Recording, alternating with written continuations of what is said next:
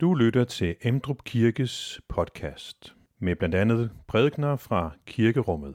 Du kan læse mere om Emdrup Kirke på emdrupkirke.dk.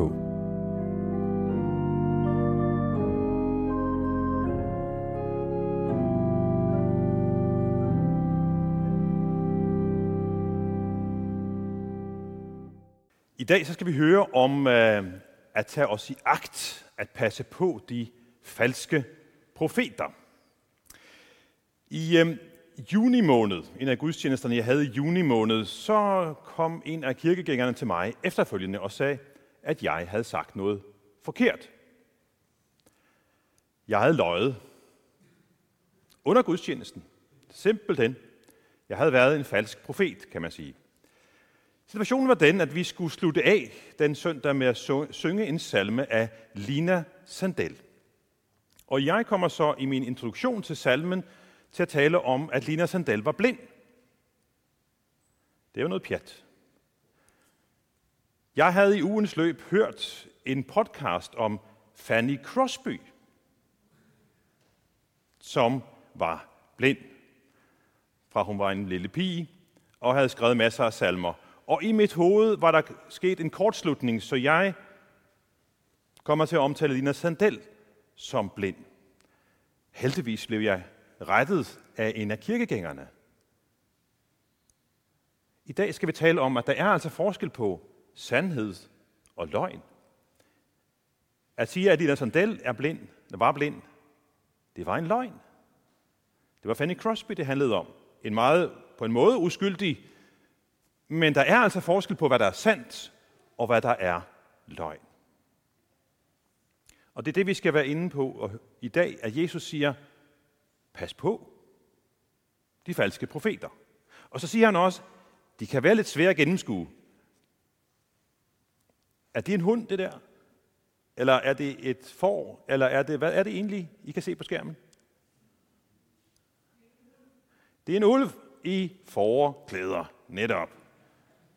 Og det er det, som Jesus siger, de falske profeter, de kommer til os. De ser ud som får, men er det ikke, de er inde i, er de glupske ulve, siger Jesus. Tag jeg i agt. Det vender jeg tilbage til, når vi kommer til prædiken.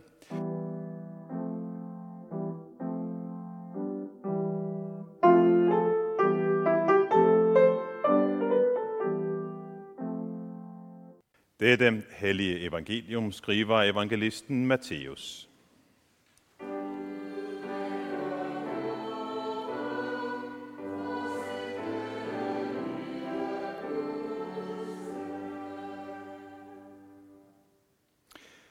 Jesus sagde, Tag jer i agt for de falske profeter, der kommer til jer i foreklæder, men indeni er glupske ulve. På deres frugter kan I kende dem. Plukker man druer af tjørn, eller fiender af tisler? Sådan bærer et hvert godt træ gode frugter, og det dårlige træ dårlige frugter. Et godt træ kan ikke bære dårlige frugter, og et dårligt træ kan ikke bære gode frugter. Et hvert træ, som ikke bærer god frugt, hugges om og kastes i ilden. I kan altså kende dem på deres frugter. Ikke en vær, som siger, Herre, Herre til mig, skal komme ind i himmeriget, men kun den, der gør min himmelske faders vilje. Amen.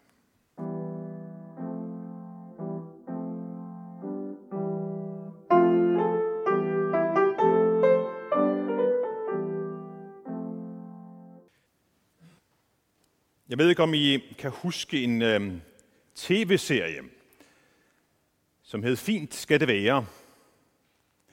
Keeping Up Appearance hedder den på engelsk. Og det er den øh, fru Hyacinth og øh, hendes mand.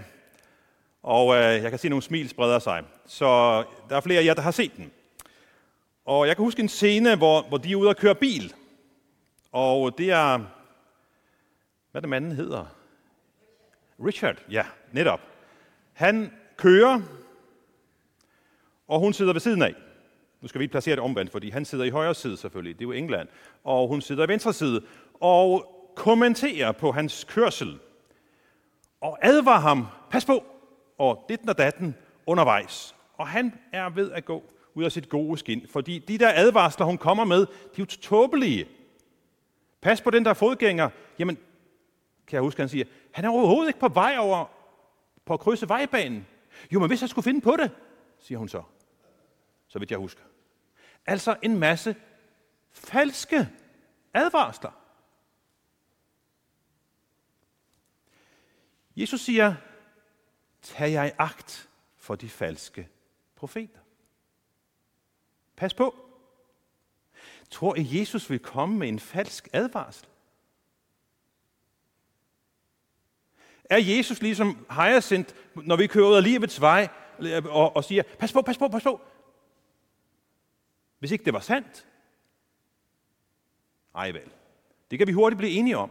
Når Jesus siger, tag jer i agt for de falske profeter, jamen så er det fordi, at der er falske profeter, som vi skal tage os i agt for. Bladrer vi i det gamle testamente, så ser vi igen og igen advarsler om falske profeter. En af, den, en af de advarsler hørte vi Elisabeth læse for et øjeblik siden fra profeten Jeremias. En lang advarsel om, at der er nogen, der siger sandheden, og der er nogen, der ikke holder sig til sandheden. De står ikke i mit råd, siger Herren. Og Jesus han forudsiger også, at i fremtiden, siger han, noget senere hos Matthæus, så siger han, mange falske profeter skal stå frem og føre mange vil. Og det er altså, han peger fremad, hvad der skal ske i fremtiden. Mange falske profeter skal stå frem og føre mange vil. Jesus er ikke fru Hyacinth. Han kommer med en advarsel, som er vigtig, som er sand, som er relevant for os. Så vi finder det altså i det gamle testamente, vi finder det i evangelierne hos Jesus, og vi finder også nogenlunde samme advarsel, hvis vi så bladrer videre i det nye testamente, når vi kommer over til de mange breve, for eksempel dem, som Paulus har skrevet, så er der samme advarsler. Pas på. Der bliver der talt om falske apostle og falske lærere og endda falske kristusser. Og fælles for dem er, at vi ikke kan stole på de ord, som de siger. Vi har det i Gamle Testamente, vi har det i evangelierne, vi har det i, det, i brevene, og hvis vi så bladrer forbi Bibelen, altså ind i den kristendommens historie, efter Bibelen var samlet, så finder vi igen og igen en masse kontroverser om, hvad er sand kristendom, og hvad er ikke sand kristendom. De trosbekendelser, vi har, er netop også blevet til på baggrund af drøftelser, især ikke, måske ikke så meget den, vi, vi har som almindelig, men den lange, vi plejer at have nogle gange, den ikenske, det er netop en præcisering af, hvad er den sande kristne tro, og hvad er ikke. Så, altså, det giver god mening, det er ikke en falsk advarsel, og Jesu advarsel mod falske profeter giver altså kun mening, hvis han mener, at de findes, og hvis han også mener, at der er noget, der er sandt, som de ikke siger. Altså at forskellen på falsk og sand er der. Lige så vel som jeg i min instruktion fortalte jer om, dengang jeg løj her til gudstjenesten, om at Lina Sandel var blind. Det var ikke Lina Sandel, det var mig, der huskede forkert, det var Fanny Crosby. Og det er ikke lige meget. Nå, jamen for mig så var Lina Sandel blind, og for dig så var det Fanny Crosby, der var blind. Nej. Det var altså Fanny Crosby, der var blind, og ikke Lina Sandel. Der er ikke forskel på, hvad der er sandet for mig og sandet for dig. Den ene var blind, den anden var ikke blind. Og jeg sagde forkert. Ordet falsk, det giver kun mening, hvis der er noget, som ikke er falsk. For ellers så er alt lige meget. I Gamle Testamentet så var en sand profet en, som fortalte sandheden fra Gud.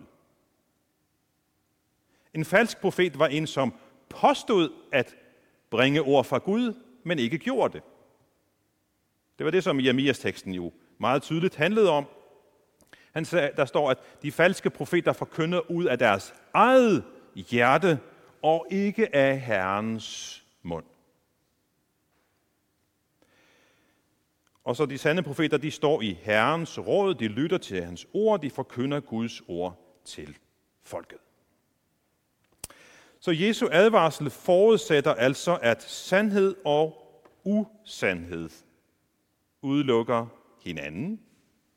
At de, som fremfører løgne i Guds navn, er falske profeter, som man skal være for vagt overfor. Så de findes, og der er forskel på sandhed og løgn. Og lad os nu lige se lidt nærmere på Jesu advarsel. Det første, han siger, det er, at tage jer i agt for de falske profeter, der kommer til jer i forklæder, men indeni er glupske ulve. Så faren ved disse falske profeter er, at de ligner uskyldige får, men ikke er det. De er glupske ulve. Og en ulv er meget farlig for en forflok. Det har danske forhørte også måtte sande, efter at ulven blev mere og mere udbredt her i landet.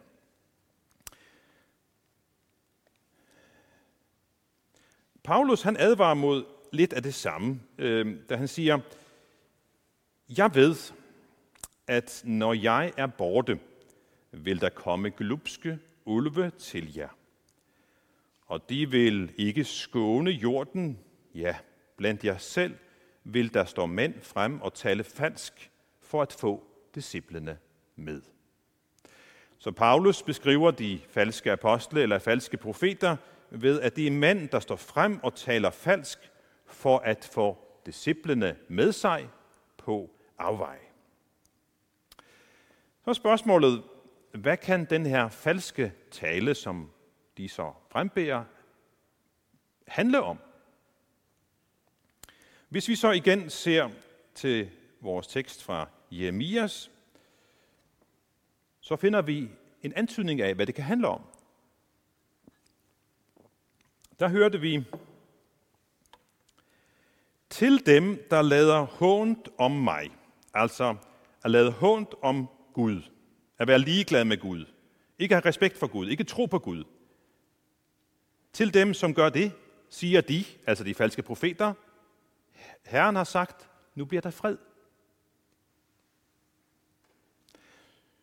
Og til alle dem, der vandrer i hjertets forstokkethed, altså dem, hvor hvis hjertet ikke vil følge Guds vilje, kan vi måske udlægge det til, så siger de falske profeter, ulykken rammer jer ikke.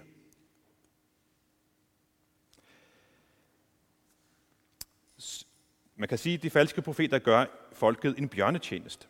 Deres budskab giver folket en falsk tryghed ved at sige, at modvilje mod Gud og deres sønder, det har ikke nogen konsekvenser. De falske profeter undlader at fortælle om Guds forestående dom, om at folket skal omvende sig, og lidt forenklet kan vi sige, at de falske profeters budskab er, det hele, det skal nok gå fint. Eller det ender godt, uanset hvordan du har det med Gud, og om du følger hans vilje eller ej. Det er jo sådan set lidt forenklet det, som Jeremias advarer imod. Og det, som gør de ekstra vanskeligt med de falske profeter, er, at de ser ud som får, selvom de i virkeligheden er glupske ulve. Man kan derfor tro, at de er gode profeter. Man kan give dem en ufortjent velkomst, respekt og ansvar, og deres sande karakter kommer så måske først til syne, når skaden er sket. Det betyder, at en falsk profet ikke skilter med, at han er falsk, men hævder at forkynde sandheden. Den falske profet er jo også selv overbevist om, at han frembærer sandheden. Han forkynder ud af eget hjerte det, han mener er sandt. Dengang jeg introducerede Lina Sandels salme ved at fortælle, at hun var blind, så troede jeg ærligt talt, det var sandt, det jeg sagde. Fordi jeg havde blandet tingene sammen. Jeg stod ikke bevidst og løg for jer. Det gjorde jeg ikke. Jeg mente, at jeg introducerede salmen på en rigtig god måde, fordi jeg troede, det var sandheden. Men det var det jo ikke. Det var mig, der huskede forkert, blandede tingene sammen og kom til at sige en løgn. En falsk profet står ikke bevidst og lyver for folk. En falsk profet forkynder ud af sit eget hjerte, men hvad er hjertet fyldt med? Hvem er det, der har fyldt noget ind i hjertet? Har man stået i Herrens råd for at forfylde sit hjerte, så er det, der kommer ud, også er fra Herren. Det er det, det handler om. Tag jer agt, siger Jesus. Og derfor må vi være på vagt, hver og en af os, både dem, der står frem og forkynder, og dem, der lytter. Jeg blev jo rettet af en, der stod og lyttede den søndag. Der var en, der kom til mig og sagde, jeg bliver simpelthen nødt til at sige det til dig. Det var ikke rigtigt, det du sagde. Tak, sagde jeg. For det var nemlig ikke rigtigt. Så vi må være på vagt, bede om visdom til at skelne imellem sandhed og løgn. Og det her med, at, at de kommer i forklæder, det kan så handle om, at vi ikke skal lade os imponere af en persons ydre. Være det sig charme, evner, uddannelse eller, eller jobtitel. Så Jesus forudsætter, at de falske profeter findes. Han advarer os imod dem. Og så kommer han med en form for test. At vi skal kende dem på frugterne, siger han. Så han skifter fra at snakke om får og ulve til at snakke om træer og frugt. Så han skifter lidt i sit, sit billedbrug her i anden del af teksten. Ulven kan være forklædt og vanskelig at genkende, men frugterne, de ødelagte, dårlige frugter, de er jo forholdsvis nemme at få øje på. I hvert fald nogen af dem. Og det han siger, det er jo, at det, det kommer an på, hvilket træ også de vokser af. Altså tjørn og tisler giver ikke spiselige frugter, og gode træer giver gode frugter, mens dårlige træer giver dårlige frugter. Så Jesus siger, at vi kan kende de falske profeter på frugterne. Men hvad kan det handle om?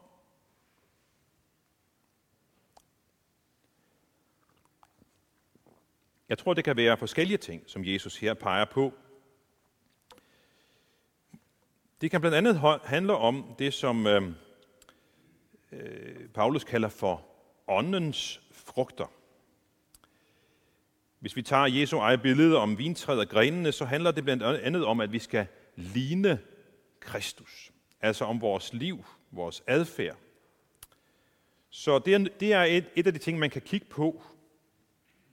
Prøv at se efter, om det er ånden eller kødets frugter, som præger vedkommendes liv og levnet. Men de, de afslørende frugter handler ikke bare om liv og levnede, men i høj grad også om det, der bliver sagt, ordene.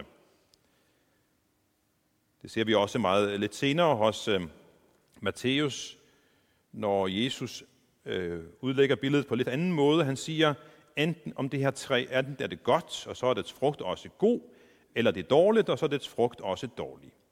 For et træ kan kendes på frugten, øjle yngel, hvordan skulle I, som er onde, kunne sige noget godt. For hvad hjertet er fuldt af, løber munden over med. Et godt menneske tager gode ting frem af sit gode forråd, og et ondt menneske tager onde ting frem af sit onde forråd. Men jeg siger jer, på dommens dag skal mennesker aflægge regnskab for et hvert tomt ord, de har talt. På dine ord skal du frikendes, og på dine ord skal du fordømmes. Så her handler det i høj grad om, hvad er det, du siger? Så en profet, forkynder, præst, underviser, eller hvad det nu skal være, skal vurderes ud fra det, der kommer ud af munden. Det, der kommer ud af pennen måske også. Hvad er det, der bor i hjertet? Johannes han siger i sit første brev, at forkyndelsen skal afprøves ved at sammenholdes med, hvad de har hørt fra begyndelsen. Altså stemmer det overens med den oprindelige apostolske forkyndelse, og især siger han, at det stemmer overens med, at Jesus Kristus er Guds søn. Det skal stemme overens med Guds ord. Det var også således reformatorernes sag. De appellerede til skriften og fastholdt, at vores lære er ikke en ny lære. Vi vender tilbage til det oprindelige evangelium. Det var også det, som Luther lagde meget, meget stor vægt på. En tredje frugt kan så være det, som Jesus peger på, er effekten af tjenesten. Nogle gange kan man ikke umiddelbart få øje på den falske lære ud fra personens adfærd eller ord, men Jesus peger på, at det kan blive synligt på sigt. Paulus han taler om noget af det samme, da han siger, at deres lære vil brede sig som kræft. Altså forårsage sygdom af åndelig karakter. Eller Paulus forklarer det ved, at deres lære nedbryder troen hos mange og fører til ugudelighed og skaber splid og strid. Sund lære skaber derimod tro, kærlighed og Guds frugt. Og nu skal vi huske på, at det her er ikke så enkelt og nemt at bruge de her, de her frugttest, om jeg så må sige. For frugten tager jo tid at modnes og vokse, så det kræver tålmodighed. Og dernæst kan man heller ikke undersøge et træs øh, frugt på afstand. Det kræver både tid og sted og anledning, og man også må også være ydmyg for at tage fejl. Så det Jesu advarsel det er en påmindelse til os om ikke at gå rundt og mistænkeliggøre alle øjne hver, men at selv at være på vagt. Sandheden er jo ikke lige meget, for det er jo Guds sandhed, som bygger Guds kirke op, hvorimod løgnen nedbryder Guds kirke. Så hvis vi bekymrer os for Guds sandhed og Guds kirke, så må vi tage Jesu advarsel alvorligt. Og den er ikke bare til dem, der står på en prædikestol eller lignende. Den er til os alle sammen. Den er også myntet på en selvrensagelse. De falske profeter er jo ikke bare noget, der er uden for os, fordi de taler jo også til noget inden i os.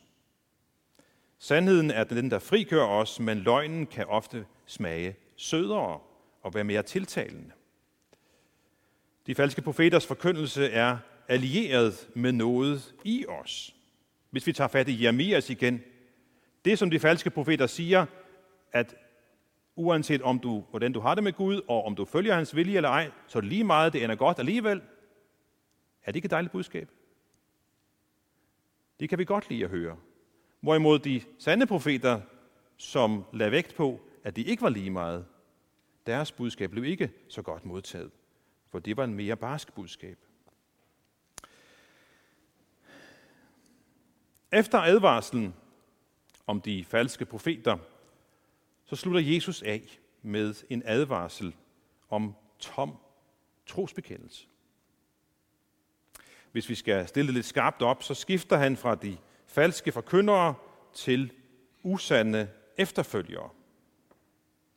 Han er ved at afslutte sin bjergprædiken. Det her er i øh, sidste halvdel, eller sidste, det sidste del af det sidste kapitel i bjergprædiken, og han stiller dem i en afgørelsessituation. Vi må vælge mellem lydighed mod ham eller ulydighed. Så han kalder os til at overgive vores tanker, vores vilje og vores liv til ham. Det er ikke nok, siger han, bare at have troen i i munden og siger, Herre, Herre. Vi skal også gøre hans vilje. Vi kan måske sige det på den her måde, at vi skal ikke bare kalde Jesus for Herre, men også lade ham være Herre i vort liv. Så Jesus ønsker ikke kun vores fromme formuleringer. Han ønsker vores oprigtige lydighed i ord og gerning. Han ønsker at være herre i vores liv, og han er den bedste herre, vi kan tænke os at have i vort liv. For han har nemlig også givet sit liv for os. Og nu skal vi rejse os og i fællesskab med apostlene tilønske hver andre, hvor Herres Jesu Kristi nåde, Guds kærlighed og Helligåndens fællesskab være med os. Find flere podcast og læs mere på emdrupkirke.dk